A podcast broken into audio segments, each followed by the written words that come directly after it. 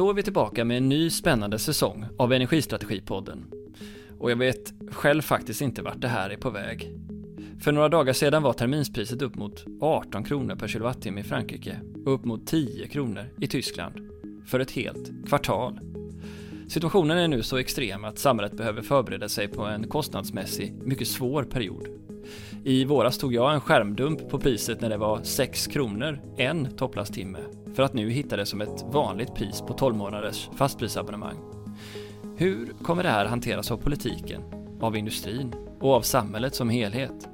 Många frågor är ännu obesvarade. Här i podden kommer vi fortsätta att ha fokus på de långsiktiga frågorna som berör positionsförflyttningar och marknadsförändringar. Samtidigt har tidslängden på vad strategi egentligen betyder plötsligt förändrats. För hur överblickar vi ens det kommande halvåret? Idag, för att svara på de här frågorna, har vi äran att inleda med Niklas Damsgaard, chefstrateg på Svenska kraftnät, där vi dels tittar tillbaka på hur sommaren har gått, men också mot den mörka delen av året som vi är på väg emot. Kul att ha dig med! Hej Niklas Damsgaard och varmt välkommen tillbaka till Energistrategipodden. Tack så mycket! Det är något av ett exceptionellt läge nu på elmarknaden. Hur skulle du vilja beskriva det? Ja, men vi har ju en situation, jag tror man ska börja med hela den europeiska situationen där vi faktiskt pratar om en, en energikris och en oro för om vi kommer att ha tillräckligt med energi för att klara vintern. Eh, det är ju som en bakgrunden till, till hela situationen vi befinner oss i. Sen är vi kanske i Sverige inte riktigt i samma läge utan för oss, eh, alltså vi har ju gott om, om energi på års, årsbasis. Det är inte där problemet ligger. Ut, utan för oss är det kanske mer klarar vi de mest ansträngda situationerna här under vintern. Och där ser det onekligen mer, mer utmanande ut eh, inför den här vintern jämfört med hur det har gjort tidigare. Hur har det annars gått under sommaren? Det var ju en ganska svår situation förra året på grund av överföringsproblem. Men nu har ju priserna för all del varit högre. Vad beror det på i år? Är det fortfarande överföringsfrågan eller är det någonting annat? Nej men tvärtom. Vad gäller överföringskapaciteten så tror jag vi har aldrig haft så höga snittkapaciteter över snitt 2 och snitt 4 som vi har haft den här sommaren. Det har varit eh, extremt bra. Eh, så att eh, det är inte en förklaring till att vi, vi har eh, eh stora prisskillnader eh, mellan eh, norr och söder. Där har vi istället det, men den grundläggande obalansen med Eh, överskott av produktion i norr och, och eh, underskott i, i söder och så att söder då kopplar till, till de kontinentala eh, priserna. Det är det som driver det här. Men, men det är inte dåliga snittkapaciteter den här sommaren utan de har varit bra. Vi har ju varit förskonade från den extrema värmen som drabbade kontinentaleuropa i år, men ser ju samtidigt att somrarna generellt sett får en högre snitttemperatur över tid. Hur påverkar det överföringsförmågan i näten? Nej, men det, det, det påverkar, ja men värme påverkar ledningarna eh, negativt. Så eh, ja, när temperaturerna går över säg 30 grader då sjunker överföringskapaciteten ganska eh, drastiskt. Då. Så att eh, eh, om man säger eh, om det skulle gå upp till 40 grader, det gör det inte så ofta, men då, då, då tappar vi ju i storleksordningen 60 procent av överföringskapaciteten. Men, men eh, över 30 grader så behöver vi begränsa överföringarna. Hur bedömer du att det här kommer påverka oss på sikt? Nej men det, det är någonting man kommer att eh, få behöva förhålla sig till. Att det blir sannolikt vanligare och vanligare med, med eh, den, eh, de höga temperaturerna. Och då eh, då kommer det att finnas mindre, mindre kapacitet tillgänglig. Men man ska ju också ha med sig att nu har vi haft en väldigt bra sommar i termer av, av eh, de kapaciteter vi har kunnat tilldela. Men vi ska också ha med oss att, att eh, vi har, en del underhåll har av olika skäl eh, skjutits på oss, en del avbrott har inte tagits. Vi har väldigt mycket investeringar som vi står inför framöver och det driver, eh, det skapar ett behov av att ta avbrott för, för underhåll, eh, underhållsåtgärder och, och investeringar. Så det, det gör ju att det kommer att vara svårt att upprätthålla hög överföringskapacitet sommartid just på grund av att vi har det, den investeringsboomen framför oss. Så det finns flera faktorer här. Så om man pratar sommartid, vintertid så, så ska ju inte det påverka i samma, på samma sätt. Då. Mm. Det är ju något helt nytt för oss, det här att vara i mitten, slutet på augusti och ha priser i SE3 och SE4 på mellan 5 och 6 kronor. Ja, och det är ju helt eh, drivet av den, den exceptionella situationen vi har på, på eh, eh europeisk energimarknad. Sen kan man ju alltid säga att vi har en bakgrund där vi har fått en tilltagande obalans vad gäller produktionen norr-söder och, och en, ett, ett, ökande underskott i, i söder. Och det är naturligtvis en, en bakgrundsfaktor men, men det som då eh, nu liksom har, har i, i slutändan liksom triggat det här att vi har de här höga priserna det, det är ju det är omvärldsfaktorer. Då. Och samtidigt har vi ju sett en extrem prisvariation. Mm. Från 5 öre upp till 5 kronor på bara några timmar i SE3. Aha. Hur ska man tolka det? Nej, men det, det, dels så tror jag att eh, i ett system med väldigt mycket mer väderberoende eh, produktion, vilket jag är helt övertygad om att vi kommer att ha eh, Eh, i framtiden. Sen kan man eh, alltid ha diskussioner om, om hur mycket eh, liksom, hur, hur, mycket kommer att vara väderberoende och vad, vad, för annan produktion kommer att finnas. Men, men, det driver ju fram ett mer volatilt elpris och det i sig vet jag inte om det behöver vara ett stort problem. Det, jag tror att den genomsnittliga prisnivån är ett mycket värre problem än, än, än, än volatiliteten. Men nu när vi, att de, de, här extrema utslagen vi får här, det är ju att eh, i vissa timmar när, det, när vi har gått, så att säga, vi har mer än tillräcklig överföringskapacitet norrifrån och vi får flaskhalsar ut från södra Sverige mot, mot våra grannländer. Då, då går ju de timmarna så, så hamnar priset på det här eh, eh norrländska där vi egentligen har vind och vattenkraft lite grann inlåst i, i norra Sverige. Och då faller priserna till de nivåerna, särskilt när det är mycket vindproduktion. Eh, men när, det här, när den eh, flaskhalsen norrifrån binder så hoppar det över till ett mer kontinentalt pris och det ger ju de här eh, enormt stora utslagen mellan till exempel natt, natt och dag som vi har sett. I Norge, södra Norge har man inte alls den för där har man ju istället med all den vattenkraft man har där då, då sparar man ju på vattnet eh, nattetid och eh, så priset där är ju mycket mycket jämnare. De har inte alls den här volatiliteten. Och nu när vi tittar ut på terminspriserna så ser vi upp mot 10 kronor per kilowattimme i Tyskland för Q1 2023 och 15 kronor i Frankrike. Det är ju helt extremt. Ja, nej precis. Jag såg ju det att det gick över. Det gick väl över eh, 1000 euro per megawattimme i Tyskland också här och, och Frankrike ligger lite värre. Och, och det man vill börja... Jag vet inte, de, de priserna... Tidigare har ju, har ju de forwardpriserna ganska nära följt eh, eh, som produktionskostnaden för, för gaskraft. Och det var väl det man började se i, eh, i Tyskland här. Att, att det finns väl en, en, en tendens att, att priserna här faktiskt separerar så att eh, elpriset inte eh, fullt ut och följer eh, kostnaden för gaskraft längre. Eh, och det är en indikation på att marknaden kanske börjar förvänta sig Eh, fler och fler timmar av liksom någon typ av bristprissättning där efterfrågan faktiskt, eh, efterfrågeflexibiliteten till höga kostnader sätter priset. Eh, så det är en det är inte en särskilt kul situation för att uttrycka det försiktigt. Nej, jag tror det kommer bli en tuff vinter. Alltså kostnadsmässigt så kommer det här att bli, bli tufft. Det kommer att, vi ser en ökad risk för, för även effektbrist i Sverige. Kanske inte en, att den är på enormt höga nivåer men, men, men att en, eh, en påtaglig ökning. Eh, och för Europa kommer att bli, bli eh, tufft energimässigt också sannolikt.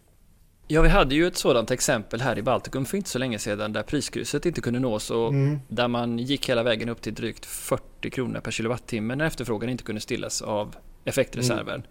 Är eh, det något som vi kan se risker för även här i Sverige och i övriga Europa under vintern? Ja, alltså det, det kan nog inte uteslutas att vi hamnar i, i de eh, situationerna och jag skulle inte alls bli förvånad om det händer eh, alltså att det händer någonstans i, i framförallt kontinentaleuropa. Det, eh, det, det förväntar jag mig nästan eh, den här vintern. Och vad är det som händer då? Ja, men det, det som händer är ju att eh, om man tar det här på dagen före marknaden då, då, får, vi, får vi så kallad avkortning. Det vill säga att alla får inte köpa det man vill eh, fullt ut. Då. Och då kan man ju säga att eh, det första, eller det balansansvariga i, så, i, den, i den situationen ska göra, det är ju, de har inte fått köpa allt det de hade tänkt köpa. Då, det ligger ju i deras åtagande att, att faktiskt eh, planera sig i, i balans här. Så, så, att egentligen ska ju de då se till att deras kunder eh, antingen eh, att de lyckas köpa mer el på intradagmarknaden på, någonstans ifrån eller att, eh, att förbrukningen minskas till den nivå som, som, man, som man faktiskt har lyckats köpa el för. sen är det inte säkert att det sker, eh, men det kan ju hända saker då på intradagmarknaden. Om vi då så förhoppningsvis så går man ändå in i drifttimmen i, i balans.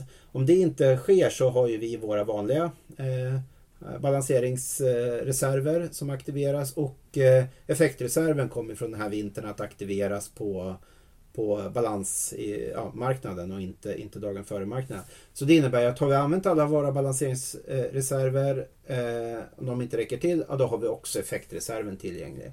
Om det fortfarande då inte räcker till, ja, då, då hamnar man ju i, i situationen där eh, för att förhindra liksom ett större, alltså en ren skyddsåtgärd för, för, för elsystemet att man får använda sig av, av bortkoppling av, av förbrukning. Så det är ett antal steg däremellan.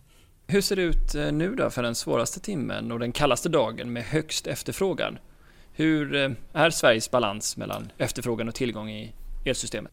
Ja, alltså vi är ju, eh, vi är ju och, det, det, är inget nytt. Det är den, den situationen som har varit eh, eh så tilltagande under en följd av år. Att vi har ett ökat och ökat importbehov för att klara den värsta, eh, värsta timmen. Eh, och det har egentligen inte förändrats. Det ser ju likadant ut som, som det gjorde ja, för, förra vintern och, och, och så.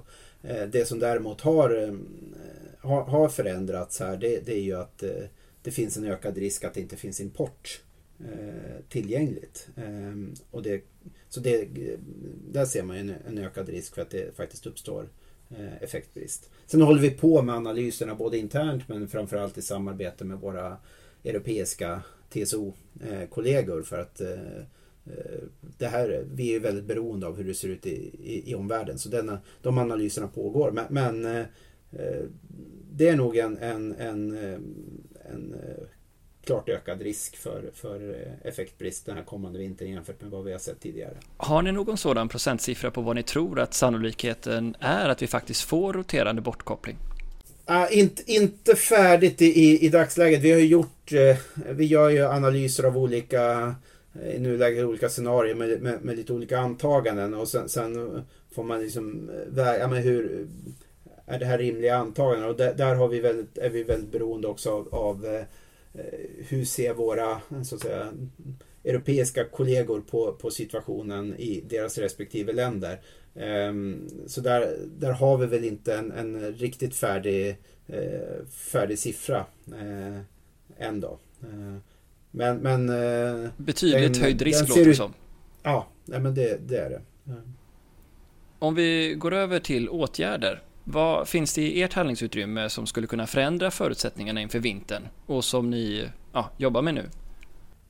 Ja, men vi, vi, ja, vi, vi jobbar egentligen och ser vilka möjligheter eh, vi har. Eh, kan det finnas eh, ytterligare produktion som man på något sätt kan få fram om det är vi eller att, att eh, marknadsaktörerna så att säga Eh, de bör ju ha ett intresse av att få fram den produktion som, som kan fås fram givet de, de priser vi har. Men, men eh, det kan vara åtgärder som vi kan eh, vidta där också. Samtidigt så, så är det inte särskilt meningsfullt om säger att vi skulle gå och köpa ytterligare reserver. Eh, om vi då drar undan det från den ordinarie marknaden. Det tillför ju eh, det tillför ingen ny produktion så att säga.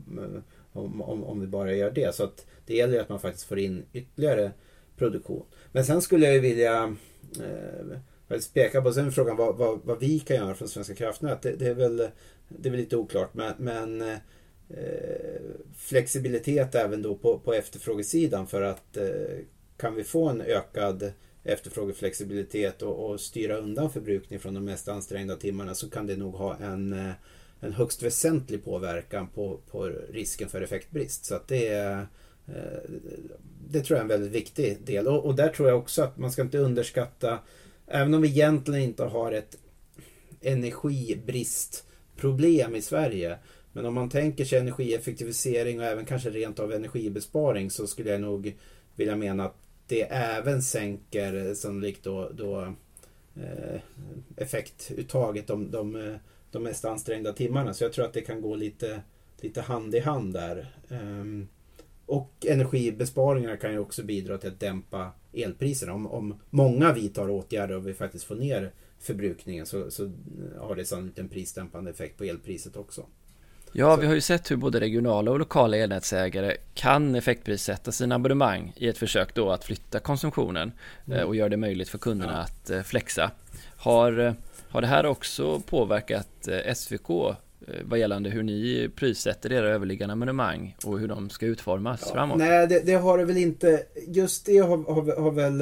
Jag, jag, jag, tror, jag tror man får eh, se lite olika delar. För, för om man tar nätbolagen och, och, och tarifferna så ju, kan det vara mycket styrning utifrån de eh, eh, lokala behoven. Men tarifferna är ju samtidigt ett ganska trubbigt instrument att styra med. Eh, det är enkelt så länge vi har väldigt stabila situationer att det är då vi har, eh, det är vissa timmar vi, vi har eh, det är mest ansträngt och andra timmar är det väldigt eh, inte alls ansträngt. Här ser vi mer och mer att ja, med en variation som till exempel vindkraft eh, och, och, liknande bidrar så, så är det inte riktigt stabilt på, på samma sätt. Så jag tror att den här effektbristproblematiken utifrån eh, så att säga, det, det, det, nationella systemet är nog eh Eh, kanske mer drivs av marknadspriserna på el eh, och styrsignaler därifrån snarare än, än, än tarifferna. Däremot så har vi ju eh, arbetat och vi, vi, vi, vi, ser ju över hur, hur vår tariffmodell ska se ut. Men, men, eh, men det, är inte, det är inte ett specifikt arbete som vi gör kopplat till den situation vi är i nu. Har ju blivit uppenbart då vilket stort behov ni har av att växa för att tillmötesgå behovet av inte bara nätutbyggnad utan också marknadsfunktioner, mm. balanshantering och annat. Hur, eh, hur går det att eh, växa SVK så att säga för att möta behovet? Nej men det går ju, det går ju framåt. Vi, vi eh, rekryterar nya personer i all eh, Eh, så snabbt vi bara kan. Men samtidigt ska man ju ha klart för sig att eh, eh det är ju inte så att det, det, eh, det alltså vi har ju både internt, ja, men hur, många, hur, hur många klarar man att ta in? Hur snabbt klarar organisationen av att ta in nya människor? Men sen är det också tillgängligheten på, på kompetens. Eh, och det är ju på tvärs här, men vi har väldigt mycket på IT-sidan. Det är inte lätt att hitta så vi behöver ju Vi har otroligt spännande jobb på IT-området eh, som vi behöver få in människor till. Och eh, mer med kraftsystem, ekonomi, alla, alla områden egentligen har, har, vi ju, har vi ju behov. Och där skriker ju också hela branschen efter, efter människor. Så där behövs det ju verkligen tillförsel av nytt, nytt blod så att säga till, till hela branschen. Ehm, så det är en utmaning att hitta de här människorna. Ni har ju också hamnat mitt i den politiska stormen, ja, eller valrörelsen i och med Socialdemokraternas förslag om att mm. 60 miljarder av de avgifter som kommit in via överföringsintäkterna ska användas för att kompensera för de höga elpriserna. Eh, och det här var ju något som kommissionen öppnade för i somras och som regeringen nu sätter hoppet till. Ehm, hur har det varit för er att ta emot en sådan politisk passning och vad händer i frågan hos er? Nej men vi, vi har ju bara precis börjat eh, jobba med det här. Men vi kan säga vi har, vi har en bred ingång till det här. Vad, vad finns det eh, vad finns det för möjligheter? Allt från olika typer av, av eh, sådana mer eh, kontantutbetalningar till andra åtgärder som då kan bidra till att eh, förbättra hur liksom kraftsystemet och elmarknaden fungerar och därmed eh, vilket ju också gynnar kunderna kanske ännu mer i, i slutändan. Eh, så där har vi en väldigt bred ingång och, och, och, och egentligen initialt utesluter ingenting. Eh, sen är det ju så att vi kommer ju att eh, lämna ett förslag till, eh, till Energimarknadsinspektionen. Och det finns ju eh, det finns ju ändå ett legalt ramverk att förhålla sig till. Så att det är inte så att det är Även om vi har fått ett regeringsuppdrag så är det ju inte helt fritt fram att använda de här pengarna hur som helst. Utan det måste ändå rymmas inom det, det legala utrymme som finns. Och det är ju inte helt glasklart hur det utrymmet ser ut. Så det är en, det är en knivig fråga att tolka. Det här meddelandet som kom från kommissionen då, det handlade ju om hur man kunde använda mm. överföringsintäkter för att skydda särskilt utsatta på marknaden. Eh, och det är väl en sak, ja, men ja. vilken funktion har det här meddelandet i praktiken och påverkar det elmarknadsförordningen som ni ser det? Nej, alltså det, det, är väl det som är, är en, en fråga. Vilken, på vilket sätt spelar det här eh, eh roll då? Och det, det får väl, eh, det, det, kan jag inte egentligen eh, ge något klart besked om nu. Utan det får ju både våra jurister och eh, i slutändan Energimarknadsinspektionen Eh, bedöma hur, hur, hur det här påverkar det legala eh, utrymmet. Och sen är ju det en, eh, just den här att, att det går mot utsatta kunder. Vad, vad innebär det egentligen i termer av utrymme? Det, det är inte helt uppenbart. Mm. Okej, okay, så extrema priser har redan börjat drabba marknaden och det ser ut att för många bli ja, nästan ohållbart höga priser eller vad man ska kalla det under vintern. Om man tänker då att ni är färdiga med ert betänkande av hur de här pengarna ska hanteras den 15 november och så lämnar ni sedan över frågan till Energimarknadsinspektionen.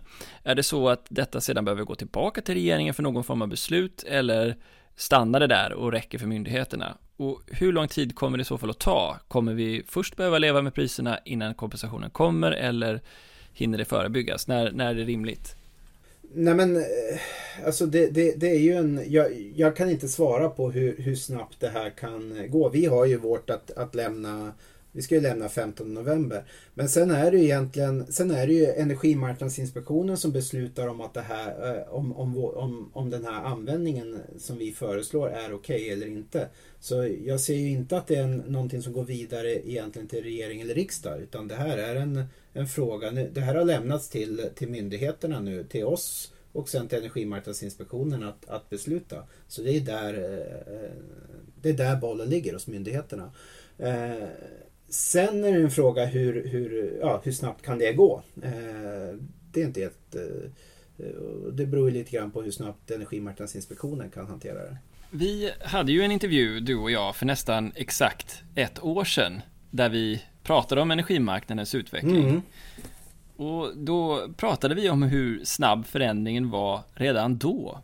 Om du nu blickar tillbaka på det senaste året och allting som har hänt, hur skulle du vilja beskriva läget på marknaden? Nej men det är ju, det är ju, det är ju ganska uppenbart att det här är ju att de, de här ähm, förändringarna som vi har sett nu är ju inte någonting som, som eh, jag och knappast någon annan heller förutsåg. Det, det drivs ju att den här akuta situationen som, som eh, har uppstått den drivs ju av, av, av det som har hänt Eh, Eh, med eh, Rysslands eh, invasion av Ukraina och, och kriget där och, och de, ja, kopplingen till, till energimarknaden med gasleveranser och liknande. Och det, det hade man ju inte förutsett så att det här ger ju en mer eh, eh, det, det, det, förändrar ju egentligen spelplanen he, helt och fullt. Om man säger att man kan ha, ha synpunkter på hur snabbt eh, liksom, Europa skulle gå bort från, från eh, det fossila och, eh, och strategin att använda gas som en, en, en, brygg, eh, en brygga då mot, mot ett framtida system. Men, men det var ju ändå så planerna såg ut och nu, nu på något sätt så måste det, all, all den här utvecklingen som skulle ske behöver ju accelereras på ett sätt som, som, eh, ja, som är svårt att föreställa sig. Vi behöver ju få in annat som ersätter den här gasen oerhört snabbt. Finns det då sådana robusta relationer och en så tydlig sammanhållning inom det nordiska energisystemet att vi kan upprätthålla marknadsfunktionen? Eller kommer vi få se interventioner med nationalistiska drag såsom att då begränsa överföringsmöjligheterna till exempel? Vad tror du? Nej men man ser det kommer ju mängder av förslag eh, från olika håll i, i mer eller mindre varje land. Eh, så kommer det olika, olika förslag. Eh, så, som ju har en tydlig liksom, mer nationell prägel. Det är, jag har ju varit, jag har ju en del diskussioner med de eh, andra europeiska TSO-erna och där finns det ju en, en eh, enormt stor enighet om att eh, det är extremt centralt att vi, vi eh, håller ihop och hjälps åt i den situation vi, vi befinner oss i. Eh, det, det, det, ja, det är närmast en, en, en, nödvändighet skulle jag vilja säga. Så jag, jag hoppas verkligen, jag ser, jag ser de här riskerna både med, med, nationellt agerande och sen ser jag en risk också som är mer, vi ska inte bara så att säga överleva den här vintern och, och jag tror att vi kan ha ytterligare, eh, jag tror inte att det är över efter den här vintern utan det kommer att vara tufft ett tag till. Eh, men vi ska inte bara överleva den korta perioden. Vi har också ett, ett eh, mer eh, långsiktigt mål kring hela den omställningen av, av energisystemet i Europa som vi står inför. Och det jag är bekymrad över är, är att kortsiktiga åtgärder lite grann i, i jag vet inte om man ska säga desperation, men, men för att hantera den här akuta krisen eh, slår sönder det vi behöver för att hantera den långsiktiga. Så att vi måste liksom också klara av eh, att bibehålla blicken på det här mm, det mer långsiktiga och inte tappa bort det i den kortsiktiga krisen. Och det är jag lite bekymrad över. Så det du säger är att även om det är ett högt pris på kort sikt så är det alltså då hälsosamt att marknaden tillåts fungera för att det då skapar långsiktiga fördelar för alla. Har jag förstått det rätt då?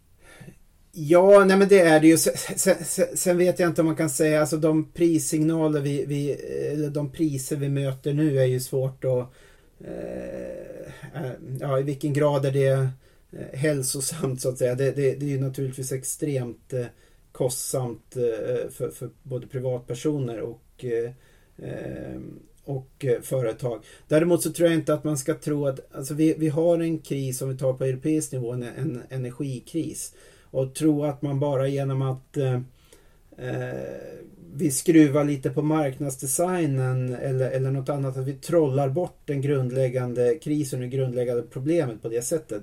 Det tror jag är en villfarelse. Det, är inte, det löses inte på det sättet helt enkelt. Men däremot har vi en, eh, en väldigt besvärlig situation. Det är, väl, det är väl tämligen uppenbart. Du nämnde ju här att detta inte är en fråga som bara är kopplad till den här vintern. Och ni är ju också ansvariga för att göra den långsiktiga marknadsprognosen.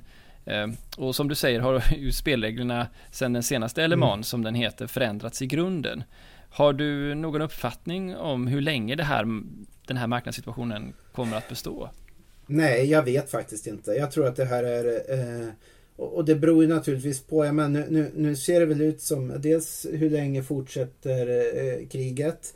Eh, vad blir när det väl eh, tar slut? Eh, eh, jag, menar, jag har ju svårt att tänka sig att man kommer att vilja göra sig beroende av, av eh, rysk gas igen. Men, men eh, vem vet? Eh, hur svänger det om? Eh, men om man tänker sig att vi, vi är i en situation där vi behöver egentligen snabbt ta oss ur eh, eh, det här gasberoendet. Då, då, ja, då krävs det ju... Det förändrar spelplanen fundamentalt. Det, det, man pratar mer, mer förnybart men, men eh, räcker det eh, för, för att få ett stabilt system? Eh, eller behövs det, behövs det något annat också?